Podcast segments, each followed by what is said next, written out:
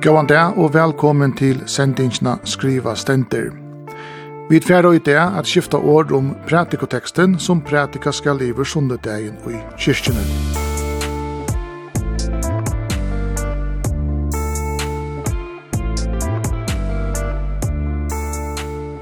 Verster er Vibbeien, Kari Sjálstein og Armkar Arke, god frøyinger. Og saman vi okkon at områda teksten er Simon Absalonsen, han er statsautoriserar granskåre, og vi kjenner han østene som semingsmann i Sottmalatjetten. Og hin er Jastrid Høy, hon har vært skolastjøri i skolan om Kjeltan, og arbeider det i samkomne Kjeltene saman vi mannen om. Simon og Jastrid har finnst til oppgave om at lesa teksten, se sinne hoksan om han, og òsne røyna setan inn i et nøytumans høpe. Velkommen dit. Takk. Takk, takk.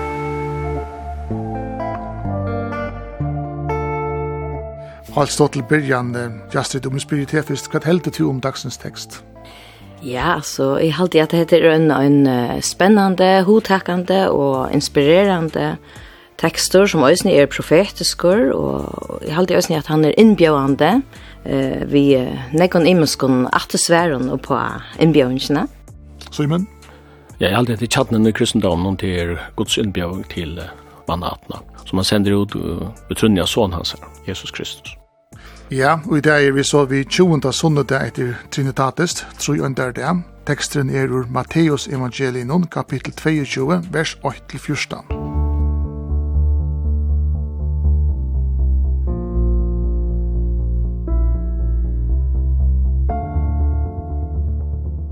Tjuende sunnudagur etter tru eindar det, fyrra tekstarrø, Matteus evangelie, 22. kapittel, ørendene 1-14. Luknelse, Brittlepp Tjakoksine.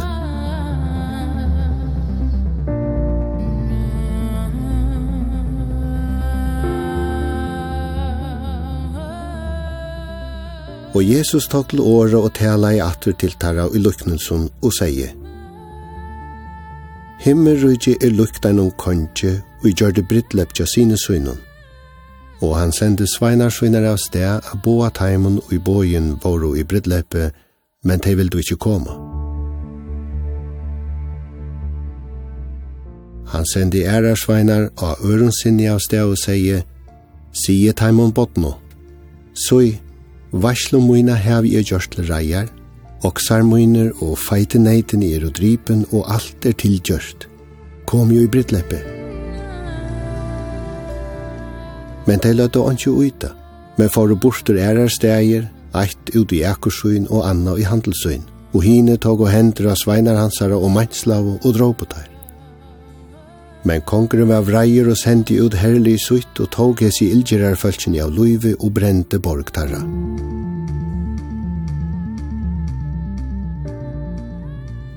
Tøynast, sier han vi sveinar svinar, Vust er tilgjørsle brittleps, men tei botne våre tess ikkje verdt. Færre tid tui ut av via måtene og bjøg i brittlepp så mongon som tid hitta. Og hese sveinane foru ut av veginar og sauna og saman ödl tar hitto, bæge önd og gau og gildeskalen var fotler av gestun. Men ta inn og kongren for innara sutja gestinar, bær han eia vi en mann som ikkje var kladdur i brittleppsklæg. Og han sier vi han, Vine moin, hvordan er du kommet inn her og erst ikke i bryllupsklæven? Men han takte. Ta seg kongren vid sveinanar. Bind i henter og føtter ånen og kast han ut i myrkre fri utan, her skal være grater og tannagrusl. Tog at mong er og kattla, men fa er og utvöld.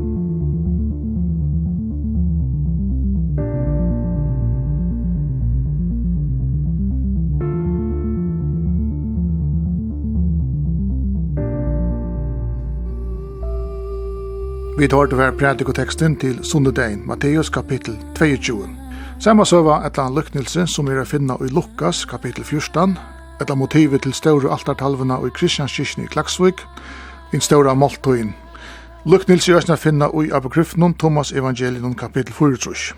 Armgar, om vi lukker som takker Bibelen, hva er det som hender i Jesus? Hette er lyknelse, og Jesus greier dem fra en lukkelse og skal gjøre den homet av hvordan himmel himmelrykje er, og sier til at det er akkurat som tar en kongssoner, han skal giftast. Og så sender kongen på ut, for jeg bjøver følge, og så til å komme og gjøre det gode brittløp. Og det kommer så til å si at jeg vil ikke komme, og kongen blir over om etter at jeg ikke vil ta imot sin bjøvnsen. Og så sier han, men alt er klart, altså, han er kjøtt i stokt, og alt er til reier til de store måltene, fer ut og nøye folk skal komme. Og så fer det ut, og så stendte det at det fer ut etter, og at uh, ta møta der uh, læmen og krypel og hølt og blind, at sånne som vi kanskje ikke er vant til, eller ikke, som kanskje var ok, ta siden til bortsemme vi. Og enn hver plass, så at det kommer så i brittlopp. Og så kommer kongsånderen. Og til søvn hører til at det stender at det har ikke brytloppsklær kjentant og i fjerde estre, eller mye estre, her var sivenja sommerstande at klein ble sendt som de for skulle for ui, men vi får også sånn at hans his klein har en annan tøytning, ikke endelig sånn uthøytselig tøytning nødvendigvis. Så åpnes dette her store gildet, og ta vil han være vi at her er en som kom inn som ikke er uilat. Og han sier vinemoen, hvor er du ikke uilaten til klein som jeg har sendt her. Og han kan han først sværa, og han tiger, og så stendte øyelig herlig at uh, han blir bunten og henter og føtter og kastet over og dum, og her skal grater og tannagrøssel. Og så endte det vi at mange kattler med få er utvalgt. Så i baden grunn er at det at du sier at du blir sett en luknils, at det er en søva. En søva kan han røyne at vise hva himmelen er. Ja, som Jesus forteller, altså. Mm -hmm. Så Ibn Absallah sen, kan jeg huske til å ta i til og lese den her teksten her? Nej, jag huxar bara någon kvad att det är för att jag ska i i foltar löv Jesus her. Han er kommet inn i Jerusalem og han vet hva det er som for å hente. Ja, at han skal dødja. Ja. og boanen til honom kan man säga är nu alltså ett ett väkten han så där boan nu er av av båt och sånt där ger. Och det här ju framförallt är att som är på fram undan. Luknelse om um, arbetsmännen och ungarna her er det at vinkars herren fyrir bort i andre land, og han løyer vinkaren ut til nekker tænarar, og så, så skulle en av Johan avvoksen rett her tog, ja.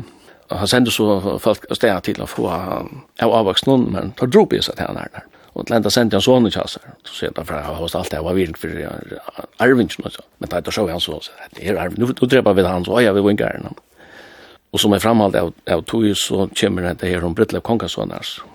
På en framhåndan er sånne i drypen, Men nu er det sånne som er, er programmer. Det henger alt nok sånn eksamen i, vi, det som Jesus boar til etter han kom inn i Jerusalem. Man kan bare si at, at, at alle den boan vi, hvordan mennesken skal leva sitt liv, hon er på en automatisk ikke, hun er fortrangt, men, men nu er det satager og båt, og faktisk det som selger Matteus legger den til at Jesus kom jo for at frelsa mannatna fra sindontarra. Det er det som er så kjøst teksten. Ja, Sid, du kan huske at du til å lese denne teksten.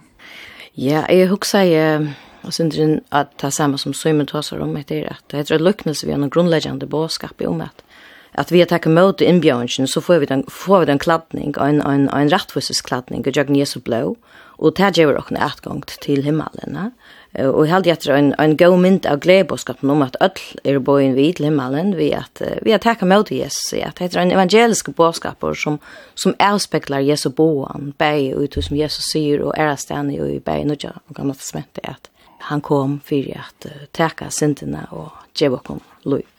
Jeg hadde også en avhåvert uh, parallell til det som hendte i åren i og fremme framan undan at at i det fyrra så var det nøkker som ikke ville gjøre avvaksen, avvaksen fra seg, og, og i hesen er det nøkker som ville te, vil, ikke ville teke med innbjørnsene. Og i det fyrra så var det sånn rundt ripen, og i hesen så ræver han. Ja. ja. Hitja vid er teksten til Kjolv og Armgær, eller vi spør oss, er det ikke uskipa, hva er det som bjør til Brittleip? Ja, er det ikke godt? Ja, er det den, Simon? Altså, det er jo lukknelse, og da man får holdt ved lukknelser, så skal man alltid være sin til verden. Som en ting er, er nok så innløsende jo en lukknelse, men andre ting kunne være sin tro. Man kan, man kan ikke tolke, og, men heter en, heter en konger som gjør brittleip til sånn og sånn, så det er ikke om det, at det er, det er god feiren som gjør brittleip, og at det er sånn som er brukkommeren. Så, så, så, så, så, så, så, så, så, så, så, så, så, så, så, så, så, så, så, Ja, altså, det er sikkert en en en en extra teologisk spårning Og, hvis jag skal gå in på det så halte jeg att broren till eklesia att man gör Tell sig att samkomman kyrkan. Ja. Jag ser det du samtidigt utläggning att broren kanske är samkomman kyrkan. Ja, det är alltid vi sådär och sen är det och utlöms Efsos brann och fem här som här som det var tar om brorna som som samkomna. Eh så det är alltid det upplagt att huxa att broren är, är samkomman. Det de som tryggva, de kristne. Kirkegård, han skriver at det er, at det er den kristne falske som er broren. Ja, det skal nok passe for Kirkegård skriver det, og sannjen skal rett ut i. Men det du sier til at det er norska Jesus er kom til Jerusalem, og han var ikke noe forhenta, han prøver domfelt og drypen. Vil det så si at nå er det akkurat trintatstøyen vi over li, og hver Jesus vi fortalt at lukkelsene, hvordan vi skulle være i for hver nøren, mot hver nøren, at nå er det akkurat av, nå Jo, det sista efter, til enden. Ja, alltså, den humana bohanen, hon är, hon är stadigvæk alltid här. Ja om uh, nästa kärleka och gåvärsk och ämjudleka och allt det. Men här, här snur det sig om, om uh, en inbjöring, en global inbjöring. Och är det den globala. Först ständet att han sänder nu för, för jag ser vi det i botten. Så, så inbjöringen är inte, är inte universal utan han förstår att, han, att det är välkommen. Han, han sänder det ut att bjöda i botten om att komma. Mm. Och så att nu sen han henne ut att att bjöa ötlorna. Alltså vill det så säga till att vi hvis du med och med och så ständer det ständer ständer så skällt jag för ötler välkommen. Ja. Många kallar för utvalt till till trobult, men så är den skriva. Men tar man høyre nek uh, prat kvart, så tåsa det alltid om, om hur du billetten i ordan, og er det reier, og det blir til at det sindre øtta kjenta, og folk blir åtrykk alltså. Altså, Kan man överhuvud som gör skulle little människor sitta och ta sig om, om, om det? Alltså, det vi såg trutchar trutjar inbjöngar här. I vanliga brittläppen ta eh så var det bara tvär inbjöngar. Men här är det trutchar. Det vill säga att ta och i som Jesus kom till Götan är inte tog motor så fick öll bjöa inbjöngarna. Det vill säga att Alltså i lyckelsen så är är er Guds kärlek och i sen här att han vill bjuda öllom att komma in Han gevs ikke hånden. Hæ? Han gevs ikke hånden. Nei, at, det virker som at, at det er en om å få ødelvi. Det er en kærløyde som jeg opplever i sin lykknelsen, at, at han, han vil hava ødelvi, og at det er ikke bonde at hvordan du erst, hvordan du sørst ut, eller du sosiala status, eller hvordan røyker, hvordan fatak du har, ødel er bøyen vi. Og det er en kærleksfull innbjøring her som det er altså hjertet at han fyrir at, at nøyde jeg kom inn, for at hos mot kan være fullt. Da. Og det stender også om, om å ta i brittleipe vær, at brittleipe selger var fotler av, av menneskene, og, og at det var glede. Ta i dag drar brittleipe, så er det glede. Mm. Det er noe godt, og det er noe, det er noe vekkurs, det er noe det til stortlet, det er, og, og ofte er det ganske forbindet vid eh, kristendommen, vi er noe som er torresligt, tjejligt og ointressant, men her er bridla i belust som nekka gott, nekka gledeligt, nekka som fyller, nekka nøgtsemme som, som er uitoja, og det er alltid tøyande jeg får fram og jeg sier fra. Men da man leser teksten så hokser jo også at uh, Matteus som prædiker med, eller som, som evangelister, at det, det ligger en, en eller annen frustrasjon, du, at jeg sier, skilja det ikke hva det er det i røyne fortelja fyrir. Ja, men det er også tøy at Jesus, altså, hvis vi leser fram om undan, så tås låsar han til lärsvänner og höspressarna. Mm. Og tar tar hade räcka Jesus, tar tog små til Jesus. Og tog brukar Jesus lucknes mynter fra tar høyt daglig deg i fyra tar skulle skilja, för tar skulle färta, for att provokera tar ehm huxan om tingene. ja. Det det lockas till mer Det synd bare hugg enn en en Matteus det är. Jag tycker på rätt och i kvar. Och Lukas tittar som är i Christian Kirchen. Ja. Där vi Oxanar som är och Roren, Roren och, och, och, allt det där. Ja. Men uh, Matteus Simon vanligen han skriver till Jötar och, och Matteus evangeliet är vanlig på trakten där royala evangeliet som tecknar Jesus som som Messias som kung och kanske att han var militant och det där som Jötarna börjar efter. Men Lukas framställer Maria Jesus som den fullkomna människa. Så så Britlap kongasonarens och historia natten till till akkurat det som tar legendent kan man säga. Jag läste han där. Og nu stendet det færre syv inn i bottene, og jeg har alltid vært at lette den da at det er tvei misjonsbå i Matteus. Matteus tutsi sender han tall lærer han ut, og han sier vi tar, jeg sender det ut, og det skulle ikke fære inn ut til det skulle ikke fære inn i bojen til noen samverden, det skulle bare fære til henne bortstumist seier av hos Israels. Hva ligger du tog? Ja, færre syv inn i bottene. Det er det privilegere til jødene, da. Ja til det fyrre misjonsbøyene, Matteus, og så endar Matteus evangeliet, han sørste kapittel, og det aller sørste årene, når jeg sier at jeg merker vi alt hva alt i himmelen gjør, gjør det ferdig ut, og gjør alt faktisk at lærer sveinar, og da er betalt navn feir sin sonen hans høyla i andan, og lærer til halte alt som jeg har bøyt og er vidt ikke alle de er lukket til enda tøyerne, til de universale og globale misjonsbøyen. Men, men er det samtidig nivå at det er en frustrasjonsbåskap, at det er skilja det ikke, er det fortell det ikke så? Det er et eller annet ganske roaløs, og det er så innløshandig, at jeg kunne ikke forstand det er, jeg er slett ikke samtidig det her. Hva som jeg også har montert er vi brua klaunen, du nevnte det her, Jastrid at vi er klatter ui som Kristus, var det du sier? Vi er ui. Ja, Ja, det fjørs kjøver og uttøkjelig bruk av klær, at man det er dømer at man vil uklatt det, ja. god snøye. Det er mynd av øsne, det Jesus, det som Jesus har vært vunnet for det, at han døye for jokken, at han ser blårand for jokken, som tås av Bibelen om at vi får en rettvises klappning, at vi blir rettvises ui hånden. Rettvises klappning, det er så stort, ja. ja. Og, og det sender nok så av det sender om det i vers 11 og 12, at da den konkurren før innan, så ikke sa han hermann som ikke var i brydlepsklævån, og at det her ikke, at det her er, jeg, nå lyser jeg lysen stod på om at det her, ikke her på en til, akkurat som en stedfesting av at han ikke var kladden ikke. Og i neste vers 12, her sier han, han sier vi, han vinner, hvordan er du kommet inn her, og er ikke uibrytlet skravet ikkje herbant, det kommer av en øren åre som merker at han var ikkje vi vilje affæren i brudløpsklappningen. Og det alltid sier nok sånn at det er en, det er en avgjør som han bevurst og ikkje lett seg i brudløpsklappningen. Mm -hmm. Men det var bare konkurren som varnast det var at det var en som ikkje var illa. Alle hinne har det ikkje varnast da? Ja, det er nok troligt å svære på. Det er jo som bestemmer det siste året. Og jeg råkner ikke ved at att det är ganska relevant og nu är det som som vi var inne på Jan hade det lucknas sen och man man an kan tagga lucknas för för mer enn det da Så det går kongressen som bestämmer hur det er utgång. Men vad helt om det tolkningen är att att jag säger att Hesmir bøyen ikke suttja att han inte är i Britlasklaven ergo kvart i er at hun kunne møte om hvor er Britlasklaven, ikke Britlasklaven. Jeg kan om. Nei, ja, til, til samtidig vi tar og ja. Vi kom inn på det her, altså, ja, men, uh, og hvor har gode til, hvor har ikke gode til. ja.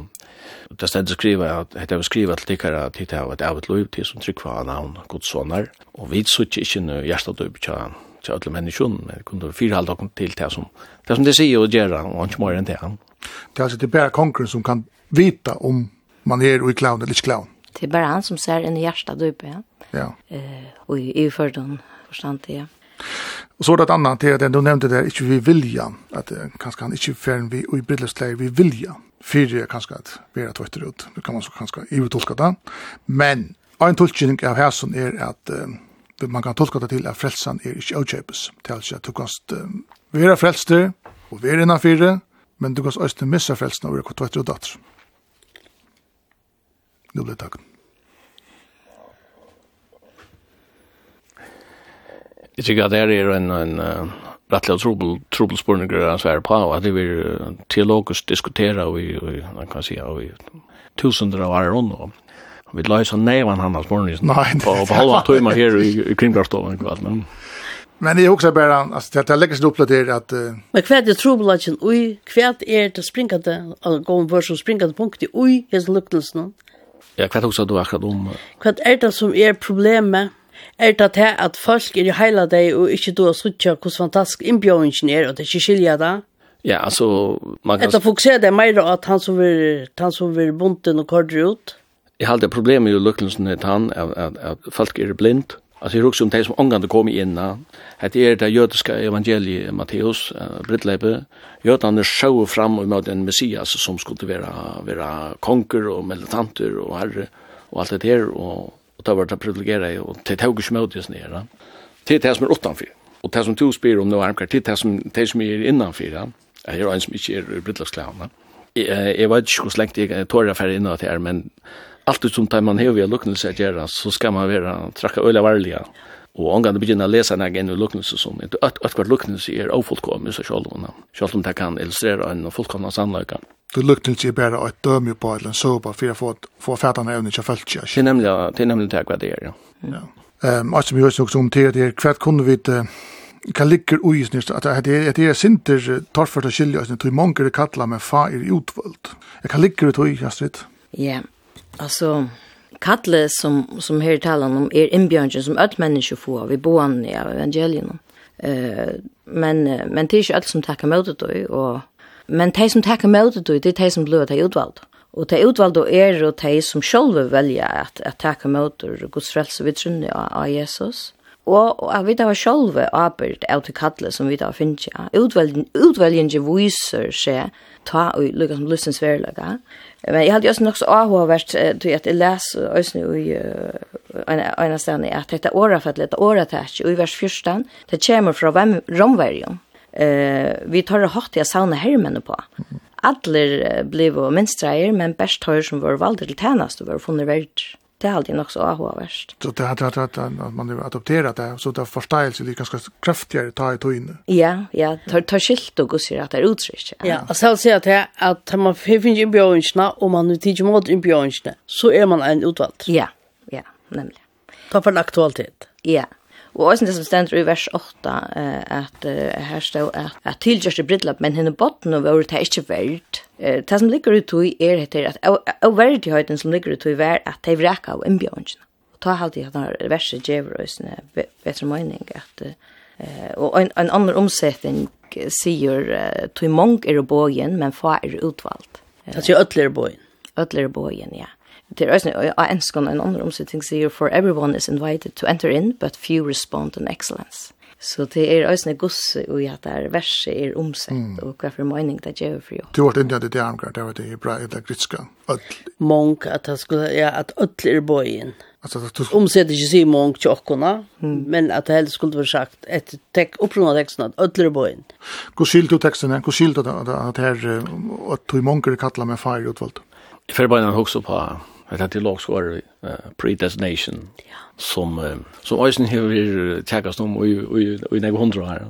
Hvis vi tjekkast av dømen som Jesus sier ved Peter at uh, Arjen henne har gal i morgen, så er du avnokt da med trutjarfjera.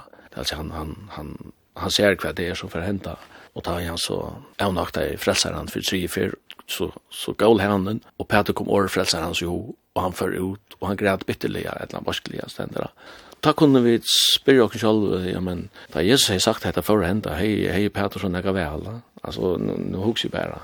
Jeg halde jeg, vi mennesker, vi, vi opplever kvann det som et frutt vel, vi har en fri vilja, og vi velger kvann det og kvann tog man nesten, men allugavel så, så kjenner god dere vel, fram og undan. Og til ringte jeg at skilja, jeg vil nesten si at det er omøyelig skilja, men det er ikke god minne, tvers og råd, ganske. Man kan, ja, ja man bjøs halt skilja da. Men hvis det ikke var såles, hvis det hever, alt hever predestinere i forvei, så har god til å bli utlendt sånn til spåt som kunne bare, som en sånn dukkefører som er i førstokken. Så hever det heller ikke fri han vilja. Så var det bare roboter, ja? Ja. Men hva var det du vet, han var møyta æren, vet at det ikke var? Ja. Han var ikke bøyre ut der. Altså, var det han æren at, jeg sa ja til han, eller til frelsen, eller hva?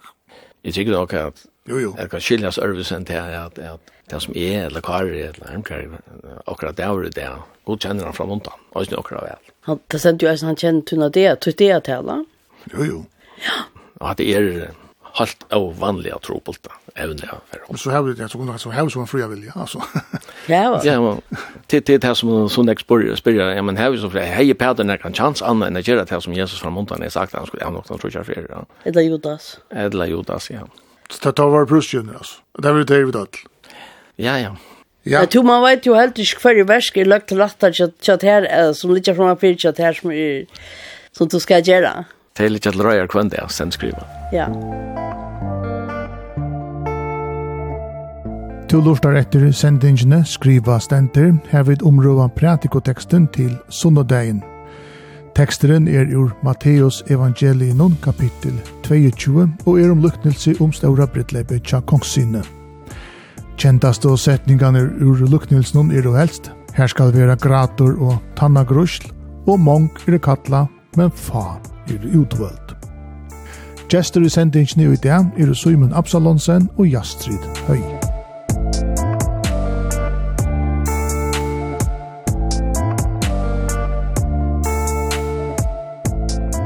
Alltså man måste säga att det är så brittisk som kommer till apropå som det här den royala föringar där vid akra här var säga skutjan. Det skulle långa gå vi här vi.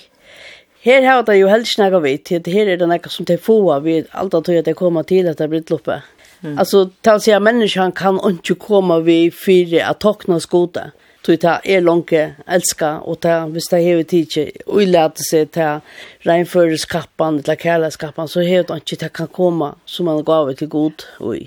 Ja, og man kan se at det er som kommer inn, utan å takke kladningen og passe han, han skal sa at det ikke nei til å takke han den der. Kladningen passe tog han helt, han var gaur nok. Han, han kanskje helt at synar gaur gjerer var gaur nok, han var et noe godt menneske, han, han, han er ikke bruk for som kladningen, ne? Og kan man også huske om det, at, at det er nek, nek fantastisk menneske, til som gjør fantastisk versk, men i fylgje Bibelen så, så, så det øyneste som uh, gjør at vi får frivegod til å takke møter hans herre frelse, at det vil si at det er bæge, at vi skal ha samband ved god, men at akkurat uh, samband ved god, øyne vil uttrykt og kærløkket til andre. ja? Så det ständer at, bare, i husker bare om ett vers som ständer i Romerbrann tutsch nutsch at du mun och hjärta vid Jesus som herre och trygg i hjärtan och eh och och så får vi ett frälsena att det är inte i och självon av vi kan tackna skode, men det bara vägna hans verk att vi får åtgång till att det är inte man är frälst i sig självon kusse kusse gott och allt man annars röna leva som människa Hvis man ikke vil ta sig Sjalt det beste versen til åkken, den skriver er, er det sånn dalka plugg for god, altså det kommer til å være rett og stjørt. Ja. Det merker ikke at, at gode gjerninger er virusleiser til det, det har absolutt vært ui for god, ja. at livet er rett lov og livet om annet. Ja, men... Men sjalt rett hos gjerningen, ja. Det er gjerningen er ikke en, en blett til himmelrydgen? Ikke gjerningen er seg sjalt. Ikke seg sjalt? Nei. Men ta Jesus sier, jeg kommer kom, kom, kom alltid å døme deg etter gjerningen tikkere. Ja, men, men ja, nu, ta det kommer til, til at, at, at Gud skal døme mennesker, ja, men så, til, til, til next slow av dømen mm. i, skriften. Men til altså, til altså, jeg gjør en gode gjer, og jeg hjelper jo alle folkene, jeg er vel, altså, det er ikke nok til himmelrutsk. Trygg på gjerninger fylles det. Ok, ja. Tryggven vil uttrykt i gjøkken gjerninger, og sånn. Og åtna gjerninger, så tryggven det i stedet skriver. Mm. Ja, Okej. Okay. Så nu nu ser det syndrom kan vi kunna bruka till det där. Alltså han den texten är så han han tar sig om att om himmelrike alltså kan kan är det botten grund han han vill se och alltså som tror innan det början alltså det alltså sin texten röjner att få och människa skilja boskapen till Jesus. Ja, och just eh det är ösnä en en eller evangeliske bådskaper at han hatt at uh, på samme måte som tænaren var bidden om å fære ut og fortelle det og at nøye alle kom inn så er vi døysen som kristne det har vi døysen finnet på om at fære ut fære ut og bo i glede bådskapen for at den folkeslov, og gjør det lærer seg at de vinner det er både vi understryker også nye kjøkken hese søvnene, at vi, vi har finnet på om å fære ut, og at gjøre det vi gjør. Ikke bare ha det for oss selv, men at gjøre det vi gjør. Ja. Simon. Jag har två reaktioner i, i Matteus uh, som man tar på den, eller det som är vara bojnen, som jag ignorerar det, fullständigt lucka glad, och andra blev ett och, och lägger hand och tärnar och drepa det. Mm. Och parallellen med Lukas om en stor nattran, här är det ombäringen. Alltså ja. kjøp seriør og ber om skilta. Altså, det er ikke avblod eller frek eller sånn, men det, det, det er bemomberinger, og en er finnes jeg finner på raksen. Og, så, så er det en som finnes jeg kone, ja. ja. Jeg hadde en, en, en genial detalj i, i altartalen i Kristianskirkene, og så hyggelig det seg broren, og, og kroppsmal, og sånn. Men brukar man i flere vi har snakket i vendet henne, så bjør han inn, Och konan hon hon helt rätt hon trackar ända fötter hans hansar. Hon trackar vi helt andra foten av fötterna så jag ger du för anka nu vart du mot. Vill hem kväll. Han är faktiskt avs det. Hon trustar ner av fotobleja hon alltså i öje det tog prörs bara för. Ja. Men alltså det det som alltså där man läser texten jag vet jag nu diskuterar sin ankar men alltså alltså han är inte gasa en hästen bit på något att Man man också därför att öj slut i hemrich. Ja, visst han så. Ja, så her sørst av kongren, han, han uh, sender herrer sinner ut til at gjøre av i samme andraberne og, og jeg sitter eld av byen til dem.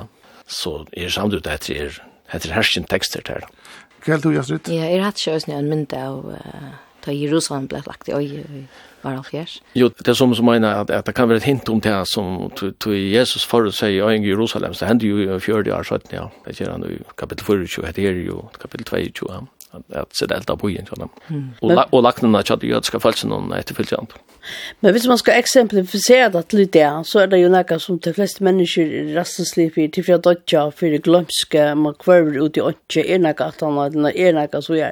Hvis man ska gjøre det her till något en boskap ut där hvordan skal han så ljåa? Hvordan er det så rent og sant først omkring om, om det er det som, om, om hese innbjøringene? Ja, så alle mennesker, eller alle enn mennesker lever i enges for deg anna, hette falt av lov i livet og, og hva hender at han Og Jesus kom for at gjøre at de fru som er rassle for deg anna, var du trellt om, stendt skriva. Ja, altså i fjøtre er rassle. I fjøtre er rassle for deg anna och han kom i ja, en frälsa människor rastlen och från det han. Mm. Jag husker nu om, om Johannes 3.16 som vi kallar för lilla Bibeln.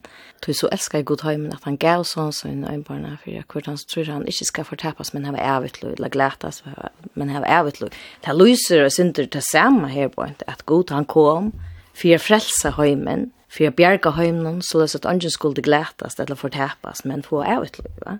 Det är egentligen den samma boskapen här att att god han inte är frälsa, han inte är att näka ska färra förtappt eller glätas då. Ja, og han visar också at i sin lykkelsen at det er både till brittlep, det er altså at det er et annet fra dagligt, det er ikke, det er ikke dagligt, det er et bedre man man synker det er fest i himmel att det er et bedre sted att det er et sted som vi ikke kanskje skulle kunna färta men det er alltså han tog det något dess angels till alltså ja, du, vi, ja, vi trunne, så, så vant at her er bedre stav.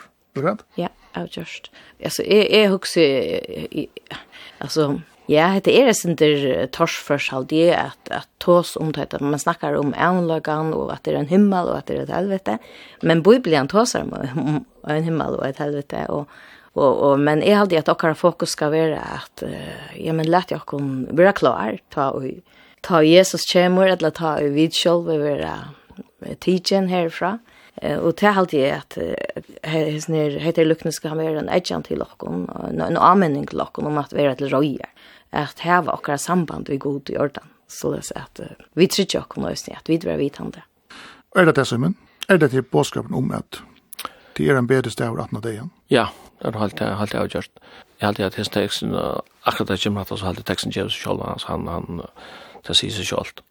Men er, jeg synes ikke også at det er en, en tekst som inkluderer mennesker, men han eisen også en ekskluderende tekster.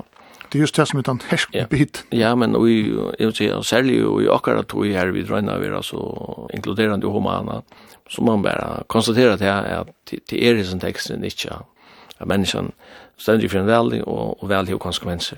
Og hvis man tenker Lukas, er, er, er, er det samme bådskapen der? Jag tog så om Jag synde flyttar, synde militär. Om natten. Ja, jag också ja, släppa sin florvi eller alltså kontexten är sen det Elvis Lucas och till next next samman uh, där är här rätt next som Louis just men här är ju några fravik så. Och Lucas här är Jesus faktiskt sitter till borsen och farserar att han tar sig där. Han han bjöd inte farserar. Och så fortäller han så Och det ger ger oss upp vid myten om fargeraren som en, en, en rättliga stereotyp av balka människor som han han så att bort inte där. Han blev ju nere av av fargeraren och Jesus själv. Kvart vi snir det som är inne första till frustrationstexten till alltså det är frustrerande att det inte skiljer det. Och nu må jag lugga som förklarar det för dig Matteus ger, visst inte ger det data dan så måste förstånd att att Hvis vi stekker med ut, så er det grater og tannagrussla, så det er ut alltså kan man inte bara tolka det som en frustrationstekst som en till move skilja kat kat är rönja fortälja för dig kom Jo, altså det er lukkelse, og lukkelse sier det her, at er du ikke innanfyr og ut rett av biddelskladning, så er du utanfyr og til er mysker og tyrer fra seg sjøen. Her god ikke. Det er bort fra god i gossir, det kan du stafast, at det er bort fra godstaver, det vet jeg vet ikke, men det er gossir, det er sånn jeg vet at du er ikke bare her, men det er sånn i nekon evangelien, at at hvis, uh, hvis man ikke tekker motor, ja, men, så er man utenfor, ja.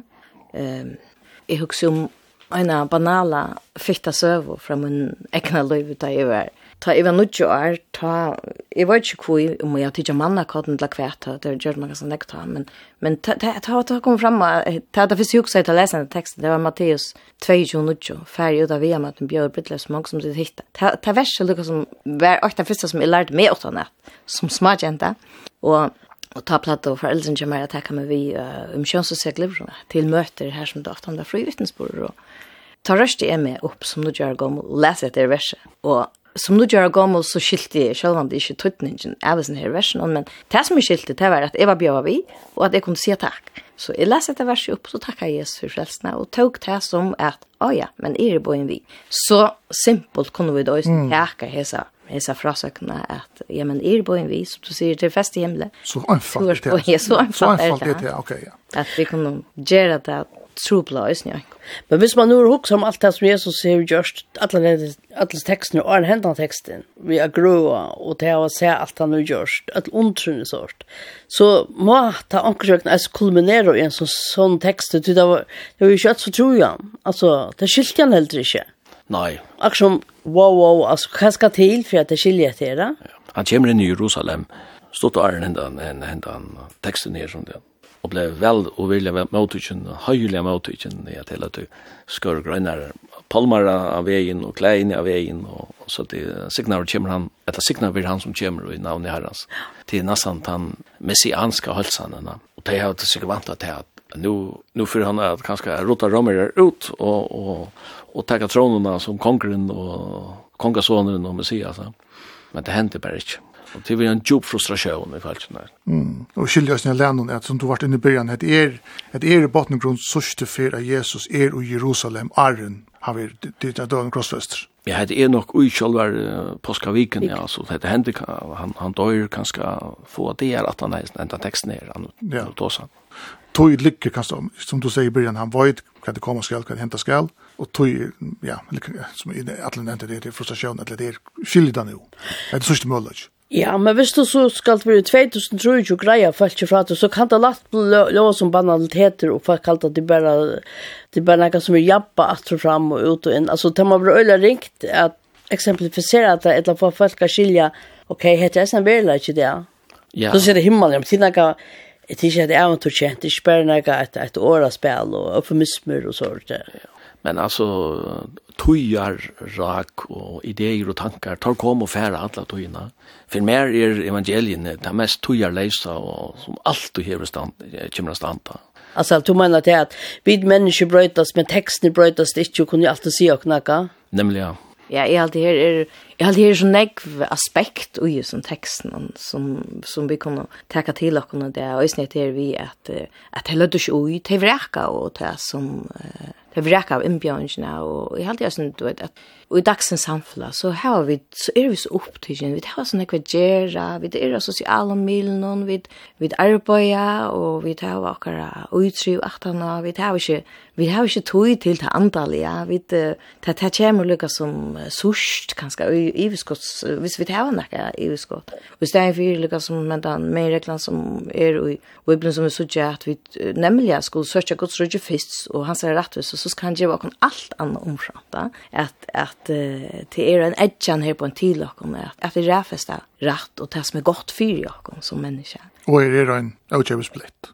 Ja. Som vi skal bare takke med utra? Akkurat vi lever i en tøya rese her, i, uh, vi var bombardere i tanken alle stedene fra. Jeg har alltid et løms, uh, først og gjerrer før, så knappt jeg sagt, og opplevde du at, ja, nå er, nu, nu er alt sett av pause, ja, og du husker alt ærvis, ja. Mm. Kirkegaard, han sier en sånn, at døden er den store tenker som kan tenke i et vers sansebedrag sønder og sammen. Da var han opp til realiteten, enda vi en skulle vi alt ennå. Ja, just om gjør det utøkjelig. Ja, fullstendig, ja. Mm. Så vi tenker sammen om som er skiljer det, så er det pur og anfall som jastet var inni av Jan. Det er det, altså. Du har jo finnet mål, du har jo målagan, ødel har målagan, det er bare takk av å komme i brydliv. Jo. Ja, så anfall kan det sies. ja. Du kvar till två människor så du kan komma vi själv. Ja, lugga väl så så så man ser att att jag var inne det det är en hästen text det är att att alltså ta först inte man läser så så helt i helt i inte själv för att han var lätt att skilja och jag helt lätt att gå tack på tamma att onkel ikke vi, onkel vi, og alt det der. Mm. Og himmel, helvete, og alt det som man diskuterer det. Ja. Men du kan spørre vi? Nei, det var ikke det. Takk for det. Jeg skiljer jo alle vel, Karin. Ja. Det er, du husker selv en, en, en, en sånn en annen mennesker også, og gode versk og gode gjerninger, altså, kan det ikke rett og slett med, altså. Jeg må huske meg mann og i apostelsøvende, uh, som fer en dreim er god tala vi han og sier vi han at, at bøner tøynar og almus tøynar er stittnar opp til god så god minnes der ja? at han, han blir regulært krediterar for, for sitt, sitt, sitt gaua loiv og nøy men eh, han er bruk for å høre evangelia lukka vel Cornelius han. og Jesus kom ikke for at, at moralisere han kom ikke for at kjøre kan man säga önt människor gå men han kom för att göra dig människor levande mm. och det vi, vi trönner ju ändå så Ja, det är snett kan godt være hessen teksten er herrer, men samståndet det er at han på, alt pojkar av god. Det er god som, eller kongeren som eh, ger bridle för det till kongeren som sände og det till kongeren som liksom ta pojkar och en kæres full av god som inskjur att huset ska vara fullt, att himmelen ska vara fullare. Så det det det som du på att man säger fokus ska som som eller fokus ska inte vara allt fokus ska vara här at det er himmelrydget som er der vant til en kærlagsfotlig god, og alt det er her vi skulle halta fokus. Ja, samstundes som at vi ikke kunne teka de årene bostor som Jesus sier, det er også en verlegg at uh, hvis vi ikke vilja teka mødre innbjørnsen, men så, så vil vi heller ikke vidle brittleip, ja? Nei. Og det kan man så ikke akkurat nægge før. Du er en fri, fri menneske. Takk for det, Sunn Absaldansen og Gjestrid Høy. Selv takk. Selv takk.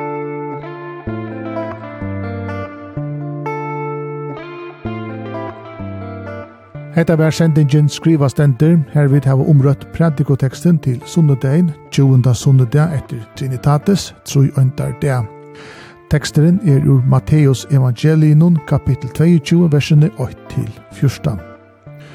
De som har omrøtt teksten i dag var Simon Absalonsen, statsautoriserer revisor, og Jastrid Høy som daglig starvast i samkommende kjeltene i Skala 4. Lagt sendingsna til rattes hava Armgar Arke og Kari Selstein. Hev du en av skriva så til skriva.kurla.kvf.fo. Sendingen blir at høyra om øyna vika. Farvel.